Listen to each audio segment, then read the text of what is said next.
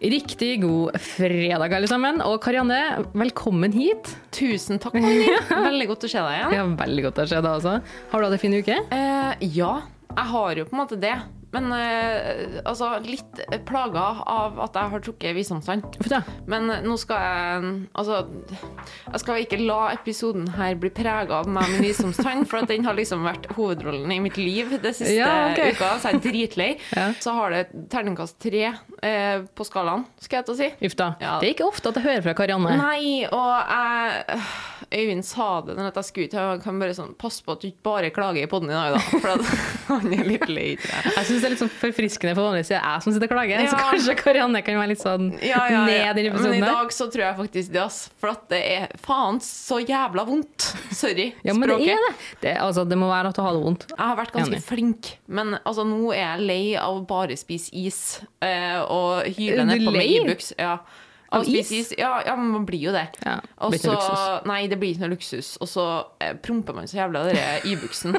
Så det har bare vært helt, helt forpestelig, Og det er jo så varmt, vet du. Sånn at Ja. inni huset så blir det jo en sånn Ja, nå skal jeg kanskje gi meg. Du er sånn badstue med fisle. Ja, det var det jeg skulle si, men jeg prøvde å trekke meg litt tilbake fra det. Velkommen til Helt håpløs, alle sammen! Helt håpløst. Ja, det er supert å se deg. Eh, Jeg har sjøl hatt en litt sånn spesiell uke. Jeg måtte til legen med en urinprøve eh, Oi. i og med at jeg er gravid. Og Er det vanlig? Eh, Nei, eller jo, du avgjør jo urinprøver når du er der til legen, men Ja. nå tok jeg en ekstra runde. eh, TMI til sikkert noen, men Mm. jeg går på do så ofte. Eh, Jeg klarer ikke å holde meg. Så jeg lurte på da om jeg kanskje hadde urinveisinfeksjon og sånn. Mm. Er det Eh, vondt? Nei, det er det. Det okay. svir jo ikke. Men at jeg må på dass hele tida og pisse. Ja. Og klarer ikke å holde meg mer enn tre kvarter i gangen. Det er livet mitt, det. Ja. Egentlig, basically. ja, Tenk deg når du blir gravid, ja, blir krise. faen. Ja, nei, altså skal du jo ta urinprøve på morgenen. Mm. Gjerne ta med et lite sånn glass fra apoteket som du har forhåndskjøpt, ikke sant? og ordne det. Jeg Gikk helt smooth. Og så tenkte jeg denne glasset her må jeg skru igjen skikkelig hardt nå. Det er kjipt om det leker, ikke sant? Ja. Og jeg skrur igjen hardt, sjekker, gjete.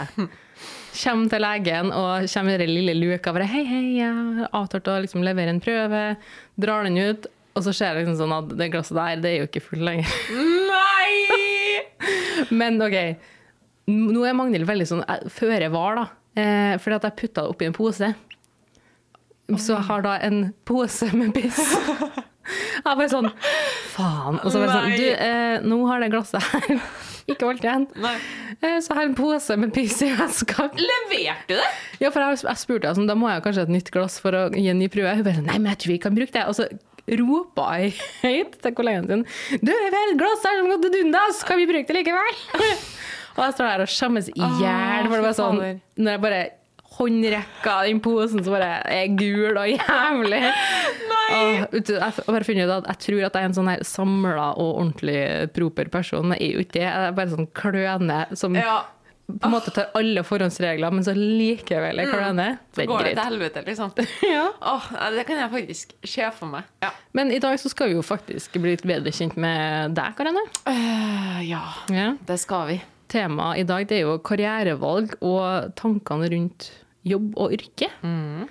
Så det tror jeg faktisk er mange hjem som kan kjenne seg igjen i. Så jeg vil jo egentlig at du skal bare forklare oss eh, hva slags arbeidserfaring har du gjennom livet? Eh, Du er jo eh, mye yngre enn meg, men du har jo kjempemye arbeidserfaring likevel. Så gjerne fortell litt om det. Ja. Nei, altså Skal man jo ta en titt på CV-en min, så er det jo litt sånn Hvem faen er du? altså, det her er en personlighetsforstyrra person, liksom. Ja. Eh, men eh, nei da, jeg har egentlig holdt på med veldig mye forskjellig. Og det er rett og slett, tror jeg, fordi at helt fra jeg var liten, så ble jeg lært opp til at du eh, tester ut og prøv det du har lyst til å prøve. Eh, og det er kult å ta andre valg enn kanskje folk flest. Det er, det er kult å på en måte gjøre noe helt annet enn alle andre. Eh, og jeg har alltid vært veldig drømmende som liten. Satte meg alltid store mål helt fra jeg var to-tre år. på en måte. Da skulle jeg bli Tambu-major i korpset, altså den som står og leder drillpikene. Og, Au, de så Seriøst! ja, og jobba veldig hardt for det som var liten. Altså, jeg tvingte meg sjøl til å spille trompet i flere år bare for å på en måte ha en finger inn i spillet. Og så tenkt langsiktig, da. på en måte Investert i å kunne bli tommelmajor. Mm. Klart det når jeg var elleve år. Starta som duskeinstruktør når jeg var tolv. Eh, var jo egentlig et barn sjøl, men var litt veslevoksen, vet du, så sånn er det. Og det var jo på en måte det som fikk meg litt inn i treningsbransjen nå, da. Eh, for når jeg starta på treningssenter, var egentlig ikke spesielt godt trent i det hele tatt. Var den som kom treigest inn på 3000-meteren eh, og sprang treigest på 60-meteren. Eh, men fikk litt sånn smaken på at OK, det her, det her med gruppetrening var egentlig jævlig funny. Det, det, her var dans og musikk og det å på en måte føle seg sprek og være en del av et større fellesskap. Det, det, det, ga, det, ga, en sånn spesiell godfølelse som jeg på en måte ikke hadde fått gjennom håndballen og fotballen, som jeg for øvrig sugde i. Eh, var den verste eh, ja, i Stindheim idrettslag. Ja. Eh, sånn at eh, derfra så, så, bestemte jeg meg på en måte for at jeg skulle bli treningsinstruktør og dro på audition og fikk jobb. Og så, ja, har det egentlig bare balla på seg. Vært veldig på en måte målretta og, og, litt sånn godt tusja godt utafor komfortsonen. Eh, det har ikke vært enkelt. Det høres jo ut som at det har vært en dans på roser, men det har jo på en måte ikke det. Eh, men den mestringserfaringa som jeg har hatt fra jeg var liten, når jeg klarte på en måte det målet i så ung alder, det tror jeg på en måte har gitt meg en sånn indre trygghet. Mm. Eh, og veldig trua på meg sjøl. Det er jo litt sånn Det er så viktig, det. Det er kjempeviktig. Eh, og har på en måte alltid, helt siden jeg var liten, hatt mål. Fikk hovedrollen i musikalen på skolen. Eh, ble daglig leder, jobba som det i en alder av 19-20 år. Og så slutta det.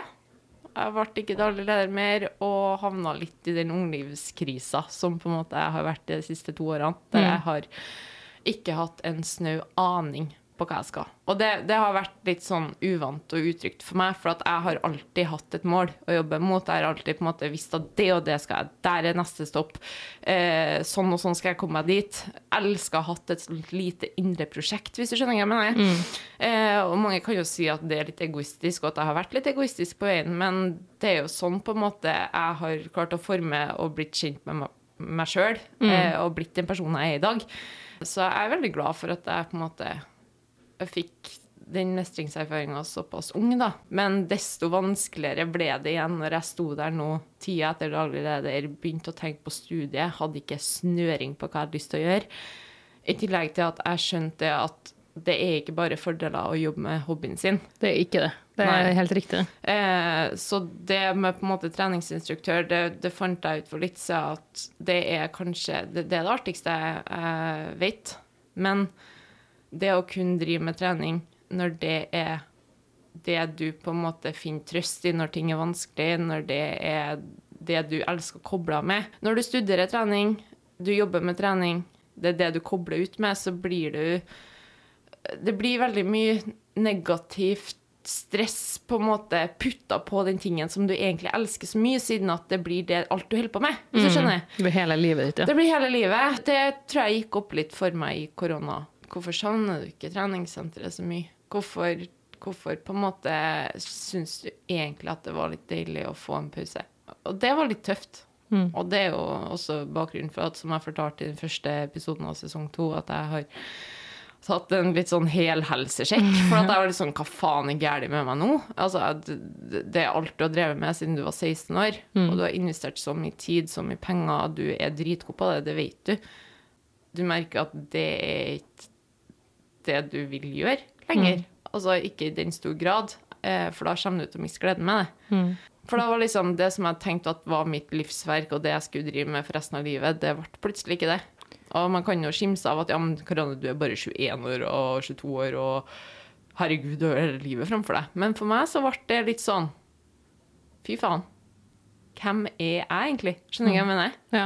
Jeg syns det er veldig interessant at du sier du sa 'hva er galt med meg'? Hvorfor tror du egentlig at du føler de ordene, eller hvorfor du sier de ordene 'hva er galt med meg', som om at det er på en måte nesten kriminelt, eller at det er kanskje mm. det verste du kunne finne på å gjøre, å snu? Jeg tror det er litt sånn fordi at jeg er veldig all or nothing, og det viser jeg veldig ut blant folk òg. Eh, og jeg er veldig lidenskapelig som person. Og det, det har aldri vært noe spill Det har aldri vært noen fasade rundt det. Det har vært genuint og ekte.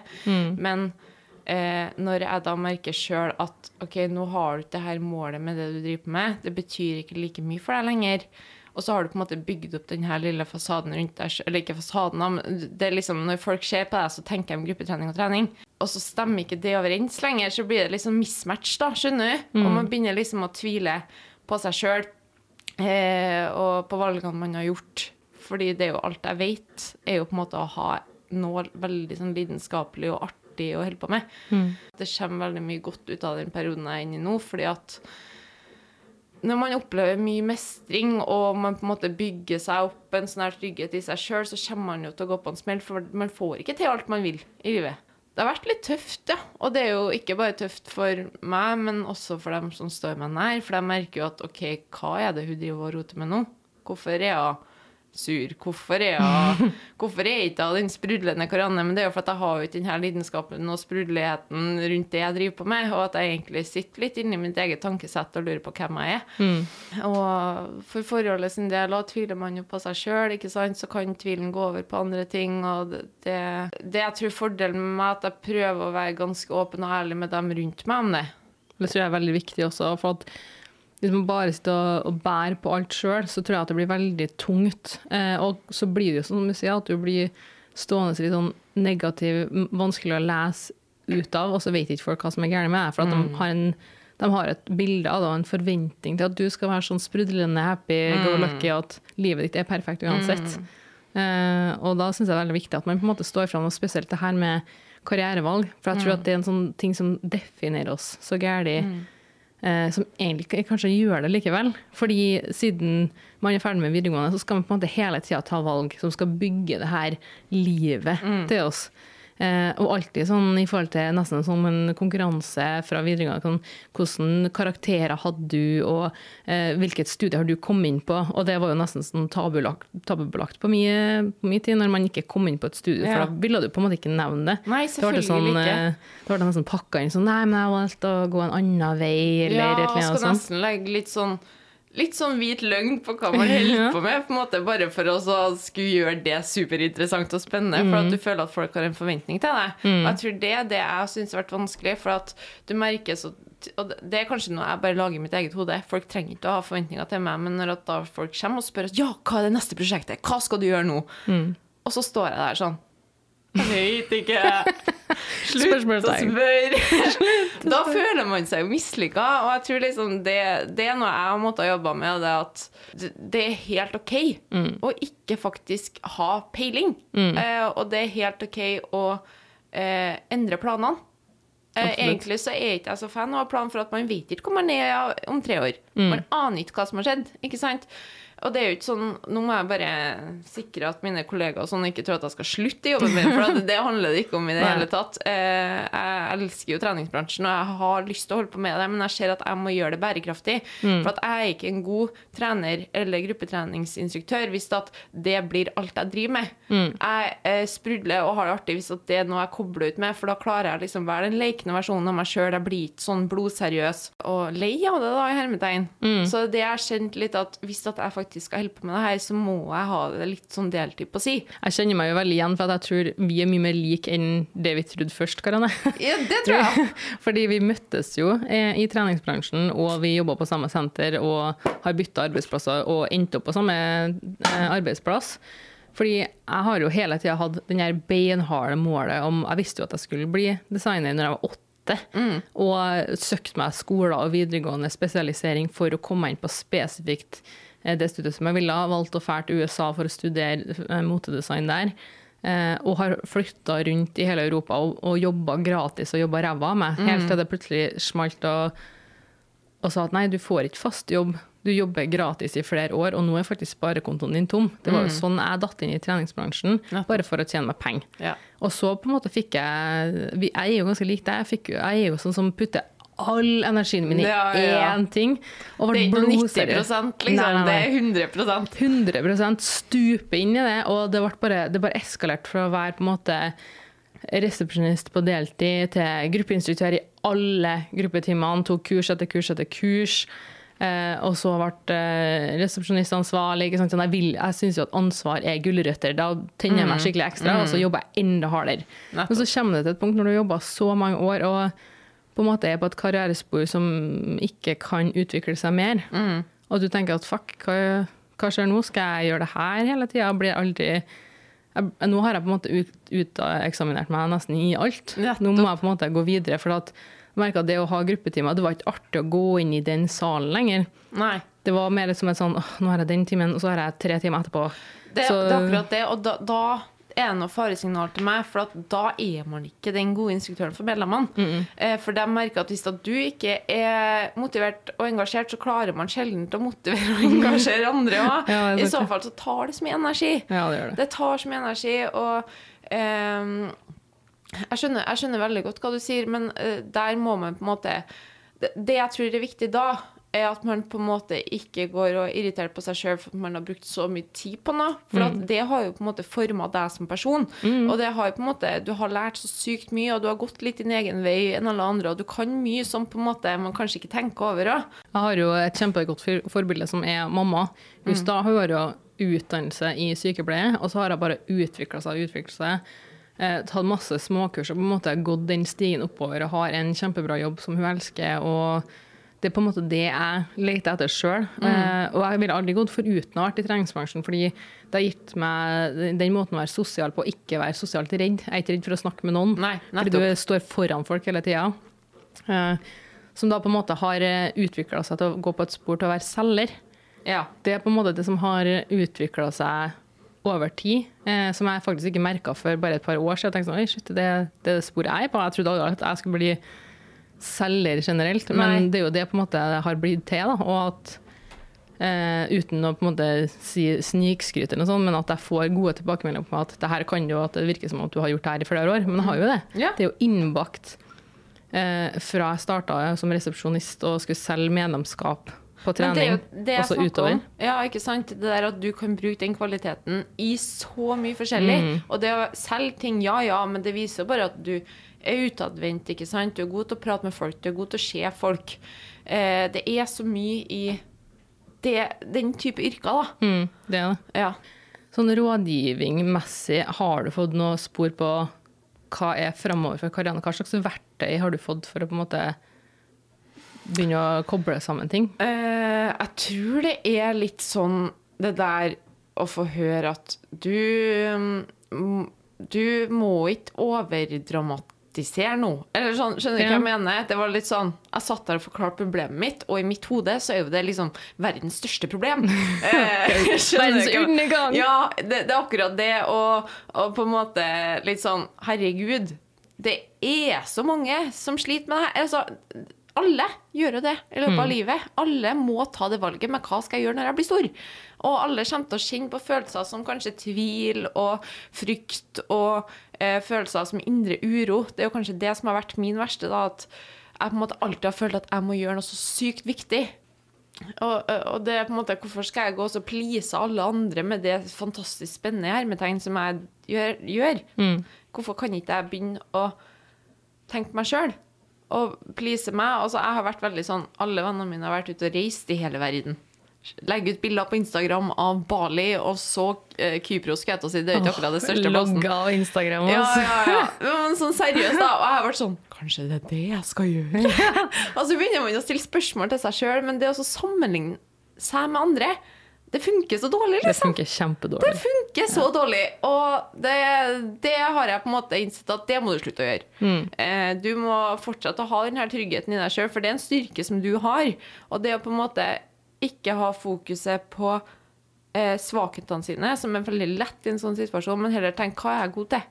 Hva, hva er det jeg har fått til? Mm. Ha fokus på styrkene, eh, og på en måte tenke det at vet du hva, det her er bare en del av livet. Jeg tror det er så tabu å snakke om det, at folk sitter hjemme og tviler på karriere, utdanning, faen, hva gjør jeg nå videre? At folk på en måte setter seg sjøl i den båsen at jeg kan faktisk ikke skifte spor nå, for nå er jeg for gammel.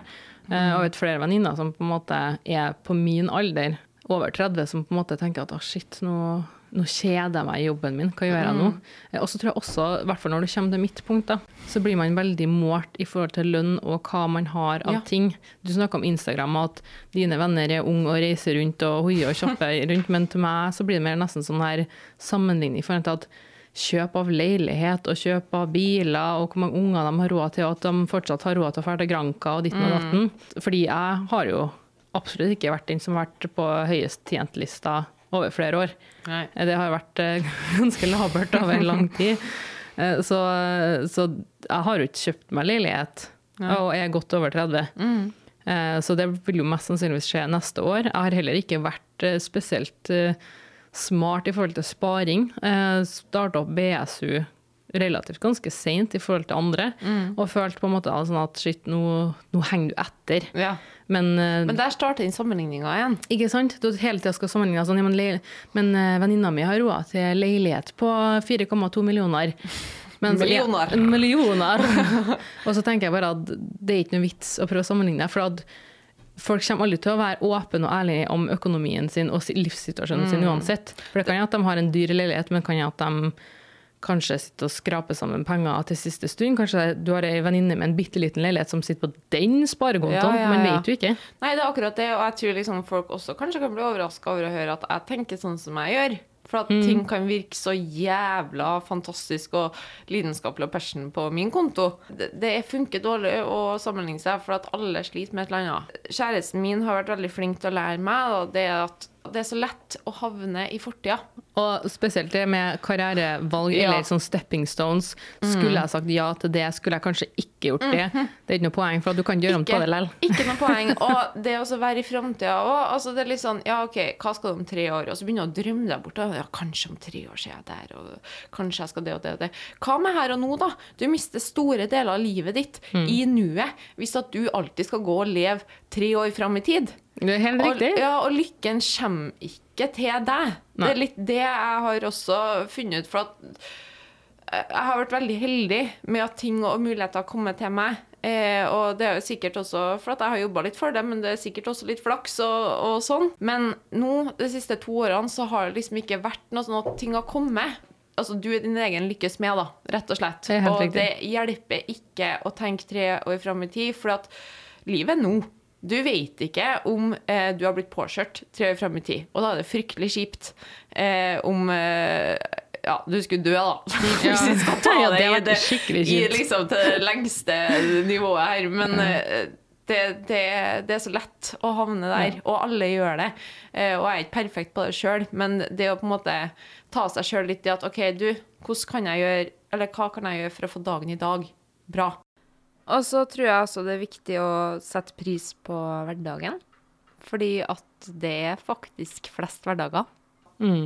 Og så tror jeg Vi må bare understreke at vi sitter ikke her og sier at folk skal si opp jobben sin Nei. i dag. Og, og Nei, nei, nei. Men også vite at ok, det er greit å utforske andre ting, selv om du har en mastergrad i det du holder på med. Ja. Eh, men hvis du kjenner på at du kjeder deg i hjel hver eneste dag i hele ditt liv eh, Mm. allerede nå, så er det greit på en måte bare å utforske hva er det egentlig jeg har lyst til å gjøre. Ja. Er det for at foreldrene mine forventer at jeg skulle bli lege, eller er det for at jeg elsker å hjelpe folk, eller hva annet kan du på en måte Er det arbeidsplassen din som gjør det kjipt, eller Ja. er det jobben? Det Det er, er to forskjellige det. ting. det er akkurat det. Og jeg sier ikke det at det å jobbe med hobbyen sin er feil, for det tror jeg virkelig ikke. Og det er mange Mm. som klarer å være strukturert og flink i det. Eh, men det er litt det der at eh, du kan på en måte være flink til mye. Og du, Mm. kan, du kan få deg flere hobbyer, og du kan få en lidenskapelig og bra jobb i, på én plass, men samtidig ha en hobby ved siden av. Mm. Eh, altså, man, er, man har så potensial til så mye. Mm. Og jeg tror det er det at det er lett å glemme på en måte, eller gjemme seg litt inni sin egen lille hule og tenke liksom at ja, nei, det her er det jeg driver med, og, og, og sånn. Og det, det er ikke nødvendigvis feil, det. Men, men eh, merker man liksom at man har det kjipt på jobb, da, som du sier, så må du ta litt tak sjøl for å på en måte få det bra.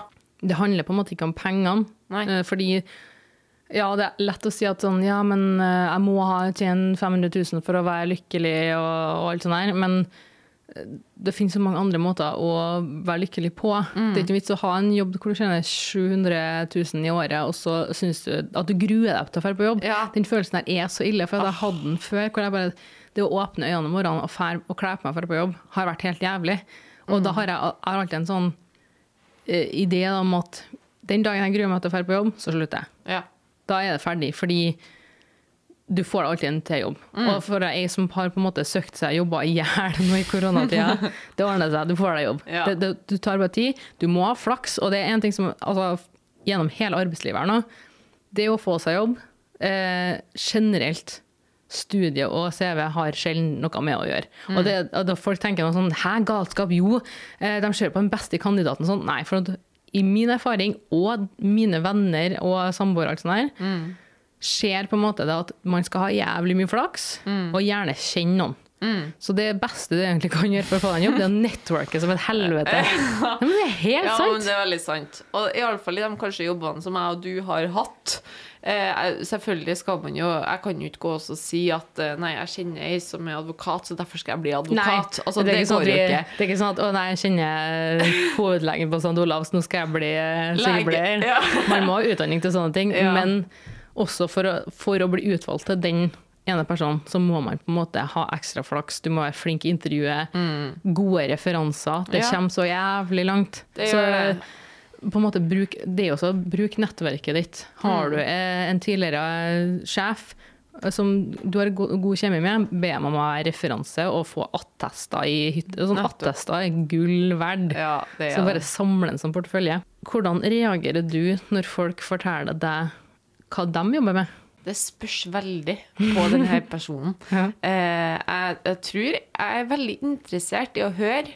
I alle fall hvis at, person, at jeg merker at dette er en person som er veldig eh, eh, lidenskapelig opptatt av sin egen jobb og brenner for det og tenker at det her, eh, det her er noe virkelig, virkelig bra, da kan de liksom få meg med. Eh, men har jeg en dårlig periode sjøl, og jeg em, og det her på en måte er en person som kanskje har fått til mye som jeg og gjerne skulle fått til, så kan jeg kjenne litt på den der at OK, ja. Føler meg litt mislykka. Ja. Eh, så det, det spørs egentlig helt med sinnsstemninga mi, men til vanlig så syns jeg egentlig at det er bare veldig fint at folk deler hva de holder på med, men spørs helt måten det blir gjort på. Hva slags grep har du tatt for framtida nå, bare i la oss si år? da? Mm. Du sier at du savner en følelse av å finne passion i arbeidsplassen og jobben du gjør. Hva Mm. har du tenkt å gjøre fremover nå? Planen min for høsten nå, det var jo å ta opp fag, sånn at jeg kunne eh, komme inn på et eventuelt drømmestudie. Men jeg hadde ikke noe spesielt mål og mening med det. Og som sikkert lytterne forstår nå, så er jo jeg en person som drives av mål og mening. Så jeg skjønte fort at OK, jeg blir litt deprimert av tanken på å skulle ta opp fag. Hvorfor skal jeg gjøre det? Så jeg søkte litt rundt og var veldig egentlig klar på at jeg skulle ut av Norge. Men det ga liksom ikke Jeg fant ikke noe drømmestudie der eller noe som ga meg den riktige magefølelsen. Jeg har funnet ut nå, eller jeg måtte stille meg sjøl spørsmålet med hva er det som engasjerer deg, bortsett fra trening? Og det er jo kanskje det her med at jeg har i mine arbeidsår opplevd det å ha hatt litt dårlige ledere. Mm. Eh, Jeg har vært daglig leder sjøl, vet hvor sinnssykt hardt folk og ledere eh, i servicebransjen jobber, og hvor mye de jobber. Eh, og at det ikke alltid er regler og rutiner som er på plass og der de skal være. Det er helt riktig. Ja.